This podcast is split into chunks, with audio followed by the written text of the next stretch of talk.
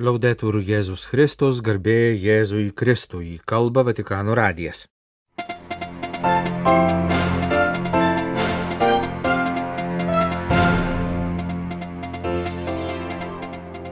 Esame savo visuomenės piliečiai ir Dievo vaikai, sakė popiežius sekmadienio vidudienį kalbėdamas apie Mišių Evangelijoje skambėjusią Jėzaus frazę kas ciesoriaus atiduokite ciesoriui, o kas Dievo Dievui. Popiežius taip pat dar kartą paragino melstis už Palestiną, Izraelį ir Ukrainą. Garsusis Salamankos universitetas suteikė Konstantinopolio patriarchui Baltramiejui garbės daktaro vardą.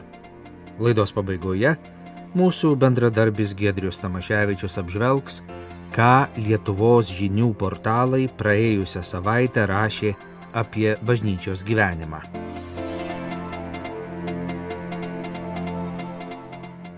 Sekmadienio vidudienį prieš viešpatės angelo maldą popiežius kalbėjo apie Mišių Evangelijoje skambėjusią garsiąją Jėzaus frazę. Atiduokite tad, kas ciesoriaus ciesoriui, o kas Dievo Dievui. Queste parole di Gesù sono diventate di uso comune, ma a volte sono state utilizzate in modo sbagliato. Pasak Pranciškaus šie Jėzaus žodžiai visuotinai žinomi, tačiau kartais jie netinkamai ar bent jau labai paviršutiniškai naudojami, kalbant apie bažnyčios ir valstybės, krikščionybės ir politikos santyki. Dažnai jie suprantami taip, tarsi Jėzus būtų norėjęs atskirti dvasinę tikrovę nuo žemiškosios. Kartais taip mastome ir mes. Manome, kad tikėjimas su savo praktikomis yra viena, o kasdienis gyvenimas kita. Tačiau taip nėra. Questa è una schizofrenia, Tokį dviejų tikrovių atskirimą popiežius pavadino šizofrenija. Tarsi tikėjimas neturėtų nieko bendra su konkrečiu gyvenimu, visuomenės iššūkiai, socialiniu teisingumu, politika. Iš tikrųjų, sakė Pranciškus, Jėzus nori mums padėti, kad tai, kas priklauso ciesoriui ir tai, kas priklauso Dievui, pastatytume į savo vietas. Ciesoriui tai yra politikai, pilietinėms institucijoms, socialiniams ir ekonominiams procesams priklauso rūpinimasis žemiškąją tvarka, o mes turime dalyvauti šioje tikrovėje kaip atsakingi piliečiai, rūpindamiesi tuo, kas mums patikėta, skatindami teisę ir teisingumą darbo pasaulyje, sažiningai mokėdami mokesčius, įsipareigodami bendrajam gėriui. Allo stesso tempo, però, Gesù afferma la realtà fondamentale, che a Dio appartiene l'uomo, tutto l'uomo e ogni essere umano. Tačiau Jėzus pabrėžia ir kitą esminę tiesą. Dievui priklauso žmogus, visas žmogus ir kiekvienas žmogus. E ciò significa che noi non apparteniamo a nessuna realtà terrena. Tai reiškia, kad mes nepriklausome jokiai žemiškai tikroviai, jokiam šio pasaulio ciesoriui. Mes priklausome viešpačiui ir neturime būti jokios žemiškos valdžios vergai. Taigi ant monetos yra imperatoriaus atvaizdas, tačiau Jėzus mums primena, kad mūsų gyvenime yra įspaustas Dievo atvaizdas, kurio niekas ir niekada negali ištrinti. Baigdamas trumpą sekmadienio Evangelijos apmąstymą, popiežius prašė švenčiausiąją mergelę Mariją, kad ji mums padėtų pripažinti ir gerbti savo ir kiekvieno žmogaus orumą. Benedicat vos, omnipotens Deus, Pater, et Filius, et Spiritus Sanctus. Amen. Sekmadienį po viešpaties angelo maldos popiežius dar kartą išsakė savo susirūpinimą dėl to, kas vyksta Izraelyje ir Palestinoje. Prego e sono vicino a tutti coloro che soffrono, agli ostaggi, ai feriti, alle vittime e ai loro familiari. Esu labai susirūpinęs, nuliūdęs, meldžiuosi ir esu arti visų kenčiančiųjų, įkaitų, sužeistųjų, aukų ir jų šeimų. Galvoju apie sunkę humanitarinę padėtį Gazoje ir liūdžiu, kad pastarosiomis dienomis taip pat nukentėjo anglikonų ligoninė ir graikų ortodoksų parapija. Dar kartą raginu atverti erdves, toliau teikti humanitarinę pagalbą ir paleisti įkaitus. Karas, kiekvienas karas, sakė popiežius, pridurdamas, kad jis galvoja ir apie kenčiančią Ukrainą, yra pralaimėjimas. Karas visada yra pralaimėjimas, jis greuna žmonių brolybę. Broliai, sustokite, liaukitės. Pranciškus taip pat priminė, kad ateinantis penktadienis, spalio 27-oji, paskelbtas pasninko maldos ir atgailos už taiką diena. Ta vakar 18 val. rengiamas maldos susitikimas Šventojo Petro aikštėje. Galiausiai vidudienio maldos proga popiežius taip pat priminė šį sekmadienį minėtą pasaulinę misijų dieną, kurios tema - deganti širdis, keliu žengiančios kojos. Cuore ardente, piedi in cammino. Due immagini che dicono tutto. Šie du įvaizdžiai viską pasako, pridūrė Pranciškus.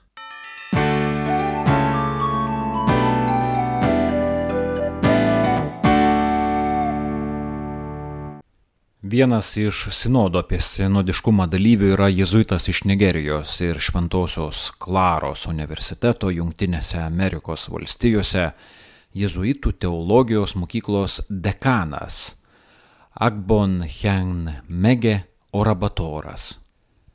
Pakvestas pasisakyti po vienos iš generalinių kongregacijų, tai yra posėdžių, kuriame dalyvauja visi sinodo dalyviai, jėzuitas afrikietis pažymėjo, kad jam kaip teologui dalyvauti viskupų sinode, kuriame bažnyčia save kūrė ir atnaujina, yra nepaprasta malonė tai, dėl ko teologas gyvena.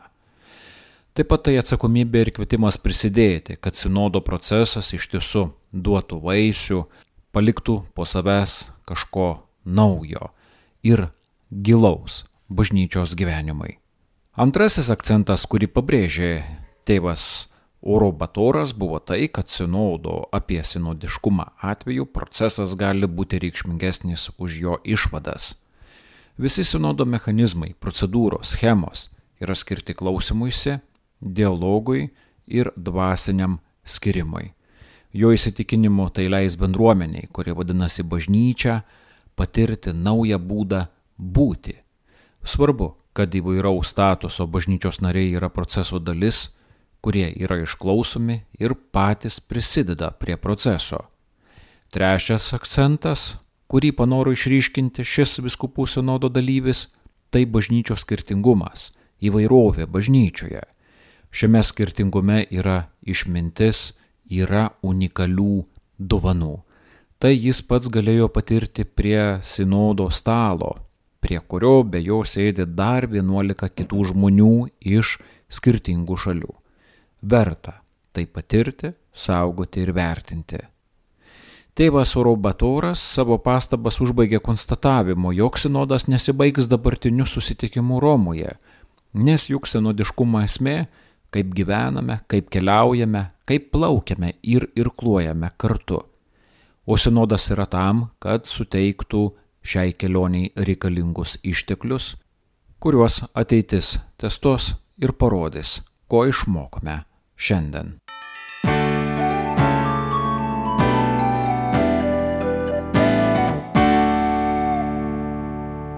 Konstantinopolio ortodoksų arkivyskupas Baltramiejus neseniai vykusios kelionės į Ispaniją metu buvo pagerbtas garbės daktarato suteikimu.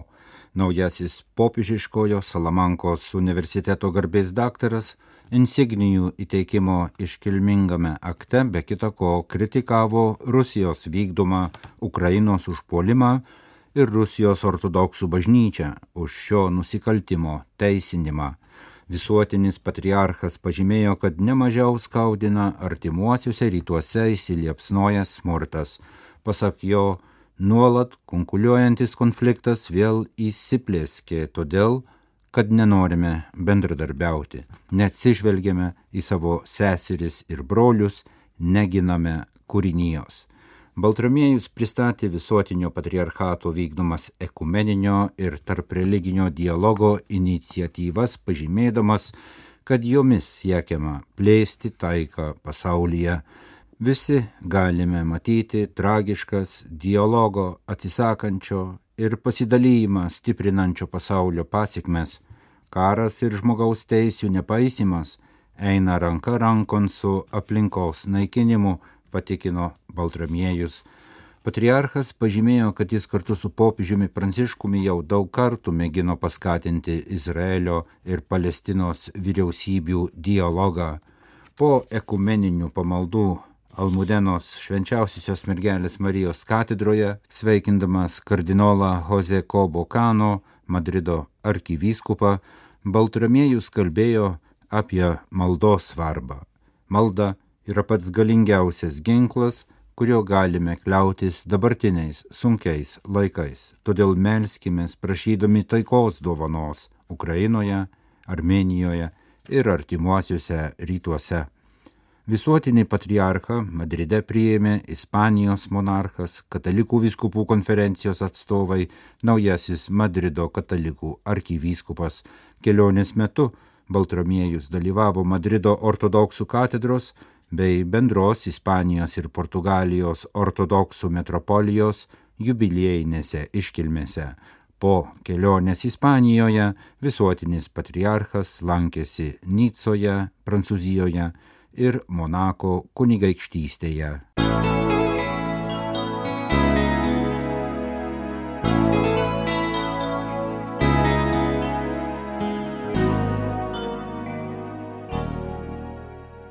Mūsų bendradarbis Gedrius Tamaševičius apžvelgia, ką Lietuvos žinių portalai praėjusią savaitę rašė apie bažnyčios gyvenimą. Spalio 21 dieną Vilniuje Antakalnio kapinėse praėjus 77 metams nuo mirties iškilmingai palaidoti pietų Lietuvos partizanų apygardos vado pulkininko Juozo Vitkaus Kazimiraičio palaikai. Apie atsisveikinimą su šia istorinė asmenybė rašo naujienų agentūros Benes žurnalistė Juratė Skerytė. Gedulinėse mišiose šeštadienį aukotose Vilniaus universiteto Šventųjų Jonų bažnyčioje Kauno arkivyskupas Kestutis Kievalas Juozą Vitkų Kazimiraitį vadino tevinės didvyriu. Jis laikomas partizanų idealu, jis įgyjo meilę, pagarbą visų partizanų ir jų vadų, turėjo didelę įtaką, buvo išsižadėjęs asmeniškos gerovės, be galo pasišventęs laisvės kovų sąjūdžio reikalams, nepaprastai darbštus, teisingas, kantrus, blaivus ir labai religingas žmogus. Pamokslą sakęs partizano vaikaitis kunigas jėzuitas Gintaras Vitkus priminė, kad nepaisant tragiško likimo, jo senelis buvo pasiekęs gyvenimo pilnatvę. Po 77 metų laidojame žmogų, pulkininką, partizaninio karo organizatorių, partizaną Juozą Vitkų Kazimiraitį, kuriam teisėtai galime skirti didvyrio vardą, pripažinti, kad jis visais svarbiausiais gyvenimo aspektais pasiekė pilnatvę, kaip žmogus, kaip vyras. Pasak Gintaro Vitkaus, šis žmogus, kurį partizanai vadino tėvu, rūpinosi tėvynės ateitimi kaip politikas, o deklaracijoje suformavo partizaninės kovos tikslą - nepriklausomos Lietuvos atkūrimą, kai jam pačiam buvo likę gyventi vos porą mėnesių. Spalio 15 dieną naujienų portalas LRTLT paskelbė Povilo Aleksandраvičiaus straipsnį Kur eina bažnyčia - keletas problemų ir sprendimų. Jame autorius, prisimindamas vieną žinomą giesmę, svarsto, kodėl mūsų dienomis Šventojo Petro laivas atrodo audrų blaškomas ir visuotinėje, ir Lietuvos bažnyčioje tikintieji yra pasidalinę į susipriešinusias stovyklas, kurių nariai dega neapykantą vieni kitiems. Mišių aukojimo forma, komunijos dalymas į rankas ar tik į burną, LGBT žmonių integravimo laipsnis, viena ar kita popiežiaus pranciškaus pozicija, Ginčiai vien šiais klausimais tarp katalikų yra lydimi vienas kito smerkimo ir anatemų. Išbandžiau tai savo kailiu. O juk bažnyčios prigimtis būti meilės bendruomenė ir liudyti meilę pasauliui. Teigia Povilas Aleksandраvičius, toliau svarstydamas, kodėl taip dažnai tyla renkasi Lietuvos viskupai ir kas yra tikrasis krikščionių vienybės pagrindas. Pasisakyti šiuo metu, užimti konkrečią poziciją vienu ar kitu klausimu, galiausiai reikštų sukelti dar didesnę įtampą tarp susipriešinusių katalikiškų stovyklų. Todėl tylėti vienas iš variantų, norint apskritai išsaugoti braškančią katalikų bendruomenės vienybę. Galbūt kitas būdas ją išsaugoti - priminti tai, kas jungia visus tikinčiuosius į Kristų. Bažnyčia atgims ir atgaus vienybę tik grįžusi prie savo esmės. Kristaus mirties ir prisikelimo procesas gali būti atpažintas labai konkrečiai. Jis vyksta Euharistijoje, taip pat gamtoje ir svarbiausia, kiekvieno žmogaus pasąmonėje ir visuomenės gyvenime. Jis gali būti aiškinamas pasitelkus filosofiją, psichologiją, sociologiją ir net kaip rodo didžio mūsų teologo Česlovo Kavaliausko pavyzdys tiksliuosius mokslus, taip pat visas meno rūšis. Jis apima tamsiausius, pikčiausius ir gėdingiausius žmogaus sielos aspektus, taip pat šviesiausius. Jo dinamika visada ta pati ėjimo iš tamsos į šviesą vektorius, taigi vilties bet kokiomis aplinkybėmis gražinimas ir naujas meilės sužadinimas. Rašo Povilas Aleksandраvičius, toliau straipsnėje aptardamas pagrindinius sinodinėme kelyje iškilusius bažnyčiaus atsinaujinimo siūlymus. Apie sinodą, tiesa visai kitame kontekste, rašo ir kunigas Julius Asnauskas spalio 13 dienos Šiaurės Atenuose pasirodžiusiame tekste, kurio antraštėje nuskamba netikėtas klausimas. Laisvė ir džiaugsmas bažnyčios fone? Straipsnį įkvėpė sena nuotrauka, kurioje matyti pulkelis už rankų susikibusių vaikų, o tolumoje miestelio bažnyčios bokštai. Tokie paveikslėliai, kaip sakoma, įkrenta iš pirmo žvilgsnio. Kas nežino, kad kur vaikai, ten gražu ir tikra. O jeigu pagal Evangeliją, ten Dievo karalystė. Nereikėtų papildomai netų įsmigusių į dangų šventovės mailių. Dar man tinka dėl to, kad Romoje prasidėjęs bažnytinis sinodas. Daug kalbų, daug lūkesčių ir vilčių. Ten irgi dalyviai susijęme už rankų, nesik melsis ir demonstruos vadinamąją bendrystę. Kad iš to būtų naudos mums visiems, sinodas turės tiesti rankas į pasaulio pusę. O kita užuomina - nieko neišeis nei Romoje, nei Vilniuje, jeigu nepasidarysite kaip vaikai. Per Vatikano antrąjį susirinkimą kažkas iš jo dalyvių siūlė tą sakinį paskelbti dogmą. Deja, nepaskelbė. Matyt, nutarė, kad žmogus juokauja. Šiaurės Atenuose rašo Julius Asnauskas savo straipsnį baigdamas tokiais žodžiais bet užvis gražiausia nuotraukoje, kad vaikai jau iš tikros vaikiškos bendrystės susikabinę rankomis, džiugus ir laisvi, tarytum atsveria šventovės pasipūtimą bei susireikšminimą. Vaikai į bokštus nekreipia dėmesio, tačiau anie juk viską mato ir matydami linksmą ratelį negali nepagalvoti, kaip gražu yra vesti žmogų į laisvę ir džiaugsmą. Gedrius Tamaševičius Vatikano radijui iš Vilniaus.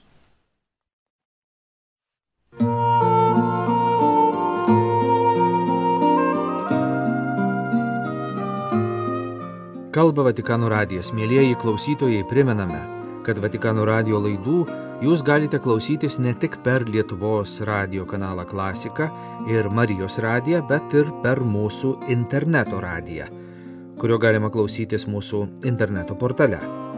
Vatikano radio lietuviškasis kanalas veikia visą parą be pertraukos. Jo laidų tinklelyje žinios lietuvių kalba, liturginės valandos, rožinio malda, mišios lotynų kalba ir klasikinė muzika. Primename mūsų interneto portalo adresą vaticannews.va lt. Jūs klausėtės Vatikano radio žinių laidos lietuvių kalba.